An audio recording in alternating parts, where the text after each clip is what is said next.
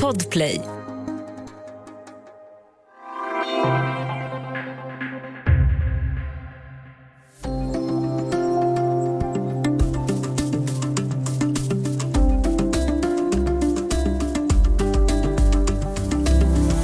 Var ska man bo? Steget in på bostadsrättsmarknaden är svårt och för många helt omöjligt, men att hyra är inte heller helt enkelt eller billigt. Och dyrare kan det bli. Men alla måste bo och bostadspolitiken är ju också politiskt sprängstoff. Välkommen till Studio DN. Jag heter Sanna Thorén Björling.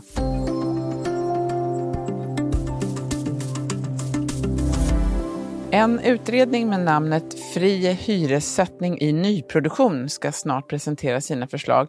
Men DN har rapporterat om innehållet på förhand och det är en del dynamit i det. Med oss för att prata om bostäder och möjlig regeringskris har vi ekonomireporter Dan Lukas och Eva Stenberg som är politisk kommentator på DN. Välkomna båda två. Tack. Tack. Eh, Dan, för ett antal år sedan så var det mycket diskussion kring utförsäljningen av allmännyttan och ombildning av hyresrätter till bostadsrätter. Eh, om man tittar på de där proportionerna idag, hur ser de ut? Ja, alltså ombildningar har eh, rasat i omfattning. Eh, man kan säga att sedan 2010 i stort sett. Och det finns flera anledningar till det, men det är inte alls som det var tidigare. Så hur många bor idag i, i hyresrätter och bostadsrätter? Det skiljer sig förstås åt eh, på, i olika delar av landet, eller hur?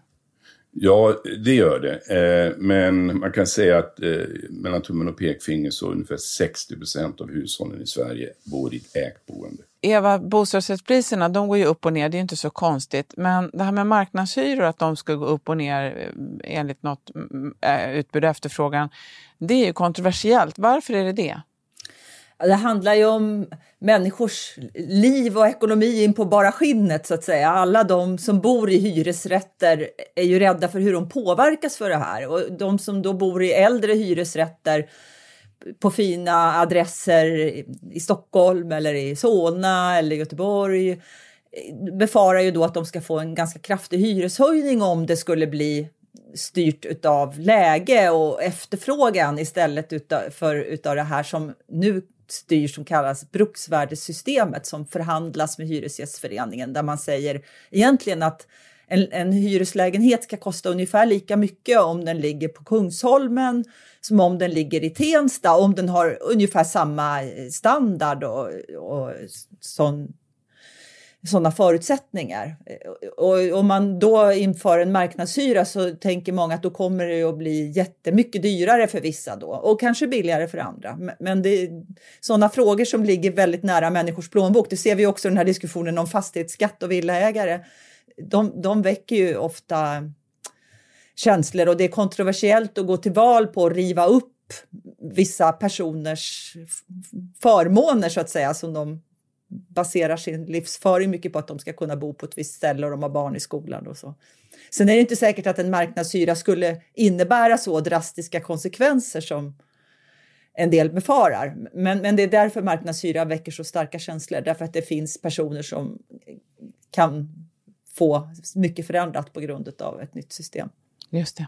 Eh, hur stor del av en inkomst är det, är det rimligt att lägga på en bostad? Vad brukar man räkna på? Det där varierar över tid naturligtvis. Ehm, om man går tillbaka, säg 10-12 år, så tror jag snittet låg på ungefär en, tre, en tredjedel. Idag ligger det på ungefär en femtedel. Ehm, och det har att göra med att ett, vi har fått eh, reallöner, alltså lönelyft utöver inflationen. Ehm, vi har fått eh, de här jobbskatteavdragen, alltså vi har fått en större disponibel inkomst, inkomst efter skatt. Mm. Plus det faktum att räntorna är ju extremt låga och det har ju möjliggjort eh, kan man säga att, att eh, man, man, man haft råd helt enkelt att köpa bostäder. Mm. Jag skulle vilja tillägga att, att eh, det finns trots allt även i bruksvärdessystemet ett element av läge. Och eh, när det infördes 1969 vill jag minnas, eh, så var det tanken faktiskt att den skulle på något sätt var marknadsbaserad i den bemärkelsen att eh, hur eftertraktad en lägenhet och ett område var skulle avspeglas i hyran. Det har det inte alltid gjorts. Den här utredningen den handlar ju om nyproduktion just. Eh, var, varför, det, varför, varför plockar man ut nyproduktion? Vad är det som är så speciellt med det? Ja, därför att om du hade infört fri hyressättning i beståndet, alltså i alla eh, hyresrätter, då hade det nog blivit det som Eva pratade om nyss. Och, alltså det hade varit omöjligt politiskt mm. eftersom det är, eh, då, då talar du hela kollektivet. Mm. Så det är ett sätt att, att plocka ut en del av det då kan man säga? Ja, men då ska man också komma ihåg att även nu är hyrorna i nyproduktion förskräckligt höga.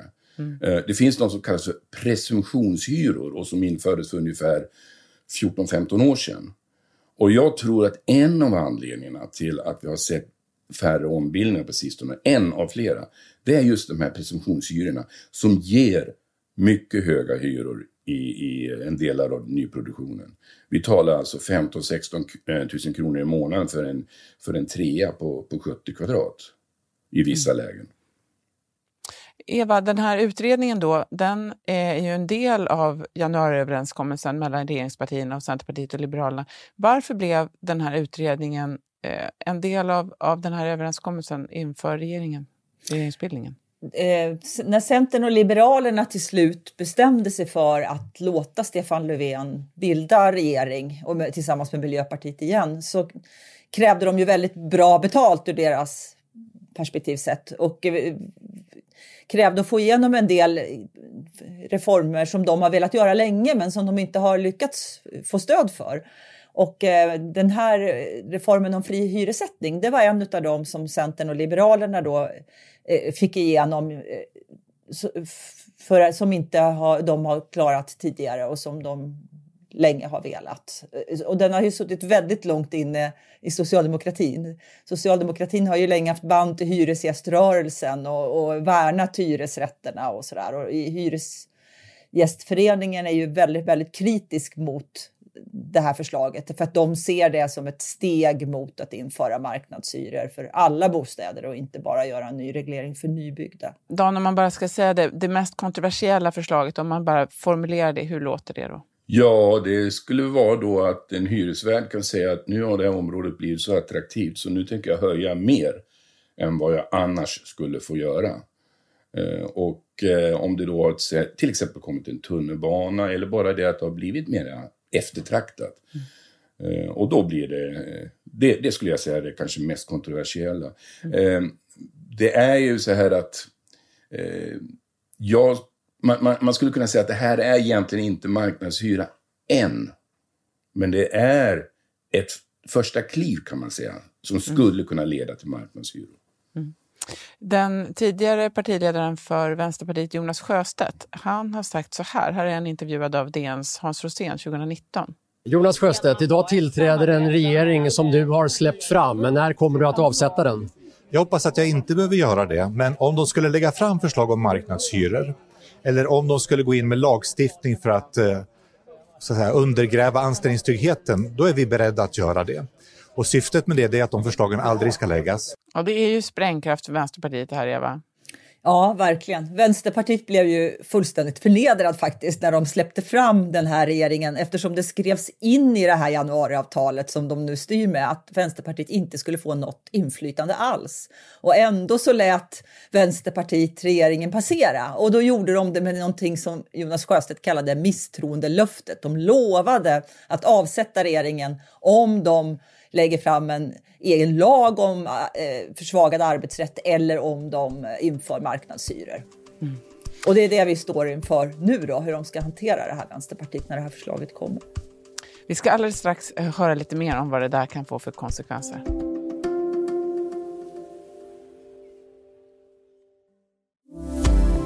Idag i Studio DN så har vi Dan Lukas, ekonomireporter och DNs politiska kommentator Eva Stenberg med oss och vi pratar om hyressättning och marknadshyror. Eh, Dan, hur ser det ut i andra länder som kanske går att jämföra med Sverige? Norge, Finland, kanske Tyskland, eh, när det handlar om hyresrätter och hyressättning? Det varierar enormt. Eh, I Norge till exempel så är, är hyresrätt, det är ganska ovanligt faktiskt. Och det som finns, det är oftast privatägda bostäder som hyrs ut. Eh, det kan vara så till och med att när man bygger en villa i, i Norge så bygger man eh, också med en, en extra ingång och kanske ett litet, litet bostad i källaren med pentry och så hyr man ut det till någon student eller så. Ehm, Finland hade ju en hyresreglering eh, fram till uh, ungefär 25-30 år sedan. Eh, den, där har man nu ett system där det finns alltså både eh, ska vi säga marknadshyressatta hyresrätter och eh, mer eh, reglerade. Eh, Tyskland, där har man ju eh, haft ett experiment kan man väl säga i Berlin eh, där eh, hyrorna var länge reglerade, låga. men i och med att Berlin har blivit, blev så småningom det förenade Tysklands huvudstad och har blivit attraktivt, folk flyttar dit, så blev ett tryck på att nu måste hyrorna upp. Det där har lett till väldigt stora protester i Tyskland. Mm.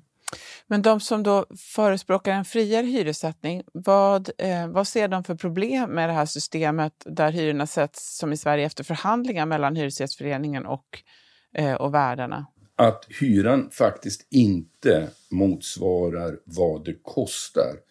Eh, dels att kosta att bygga, att underhålla, men också att ge avkastning på det kapital som byggherren och, och eh, husägaren eh, mm. måste förvänta sig. Eh, och det andra är att det finns en, en tro i varje fall att det skulle leda till en ökad rörlighet på marknaden. Eh, att eh, de som sitter i, i eh, ska jag säga, hyresrätter med en låg hyra men som är väldigt stor Eh, om de ska flytta till något annat så kanske de får betala mer i hyra men för en mindre bostad. Det är den typen av diskussion som, som eh, förs bland en del ekonomer kan man väl säga. Det finns ju också en kritik från arbetsgivare och företag som har svårt att anställa och bygga ut därför att om de rekryterar experter från andra delar av Sverige eller världen så kan de inte hitta några hyreslägenheter för dem att bo i. Så att kritiken är väl att det här systemet vi har nu gynnar dem som redan har en hyresrätt så att säga och stänger ute både ungdomar och människor då som behöver flytta utifrån för att få ett jobb i Stockholm. Till exempel, eller Göteborg eller Malmö. Eva, hur viktig är liksom frågan om bostäder för väljarna? Inte särskilt viktig alls eh, om man frå frågar i opinionsmätningar. Den fick en procent av svaren att det var viktigast när vi gjorde en sån här undersökning, DN Ipsos, eh, bara för någon månad sedan. Eh, men eh, det här är ett exempel på en sån här fråga som var väldigt viktig politiskt i Sverige på 60 och 70-talet. Jättestor för väljarna och som är det i andra länder som Dan beskrev var Berlin där det har blivit ett ramaskri när man höjer hyror och en stor debatt.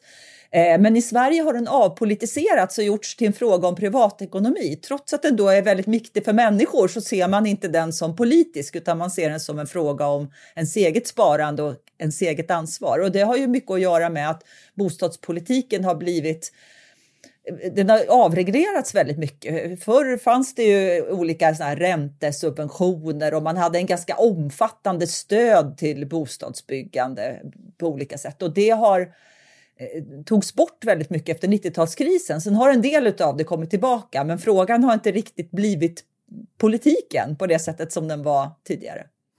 Jag skulle vilja tillägga det bara, eh, om jag får, eh, på vad Eva sa. Eh, det finns ju en, en bild av att eh, hyresrätten ska på något sätt vara billig. Ja, den var billig därför att fram till då, precis som Eva sa, till 90-talskrisen så var väldigt mycket av byggandet och även av, av, av själva förvaltningen eh, subventionerad.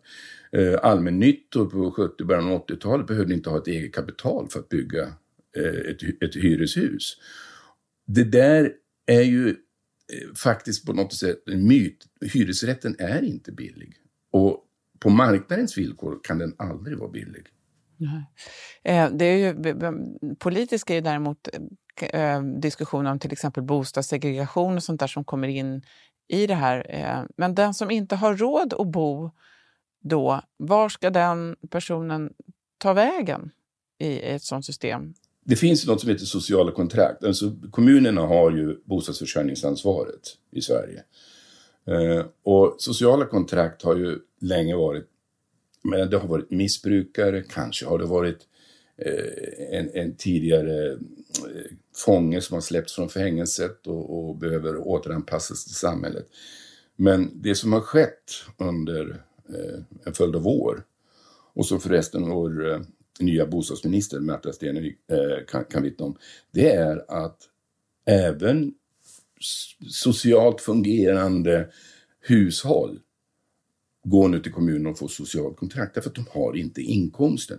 De har inte inkomst att förklara och kanske inte heller eh, kötid. Och de har inte möjlighet att, att köpa.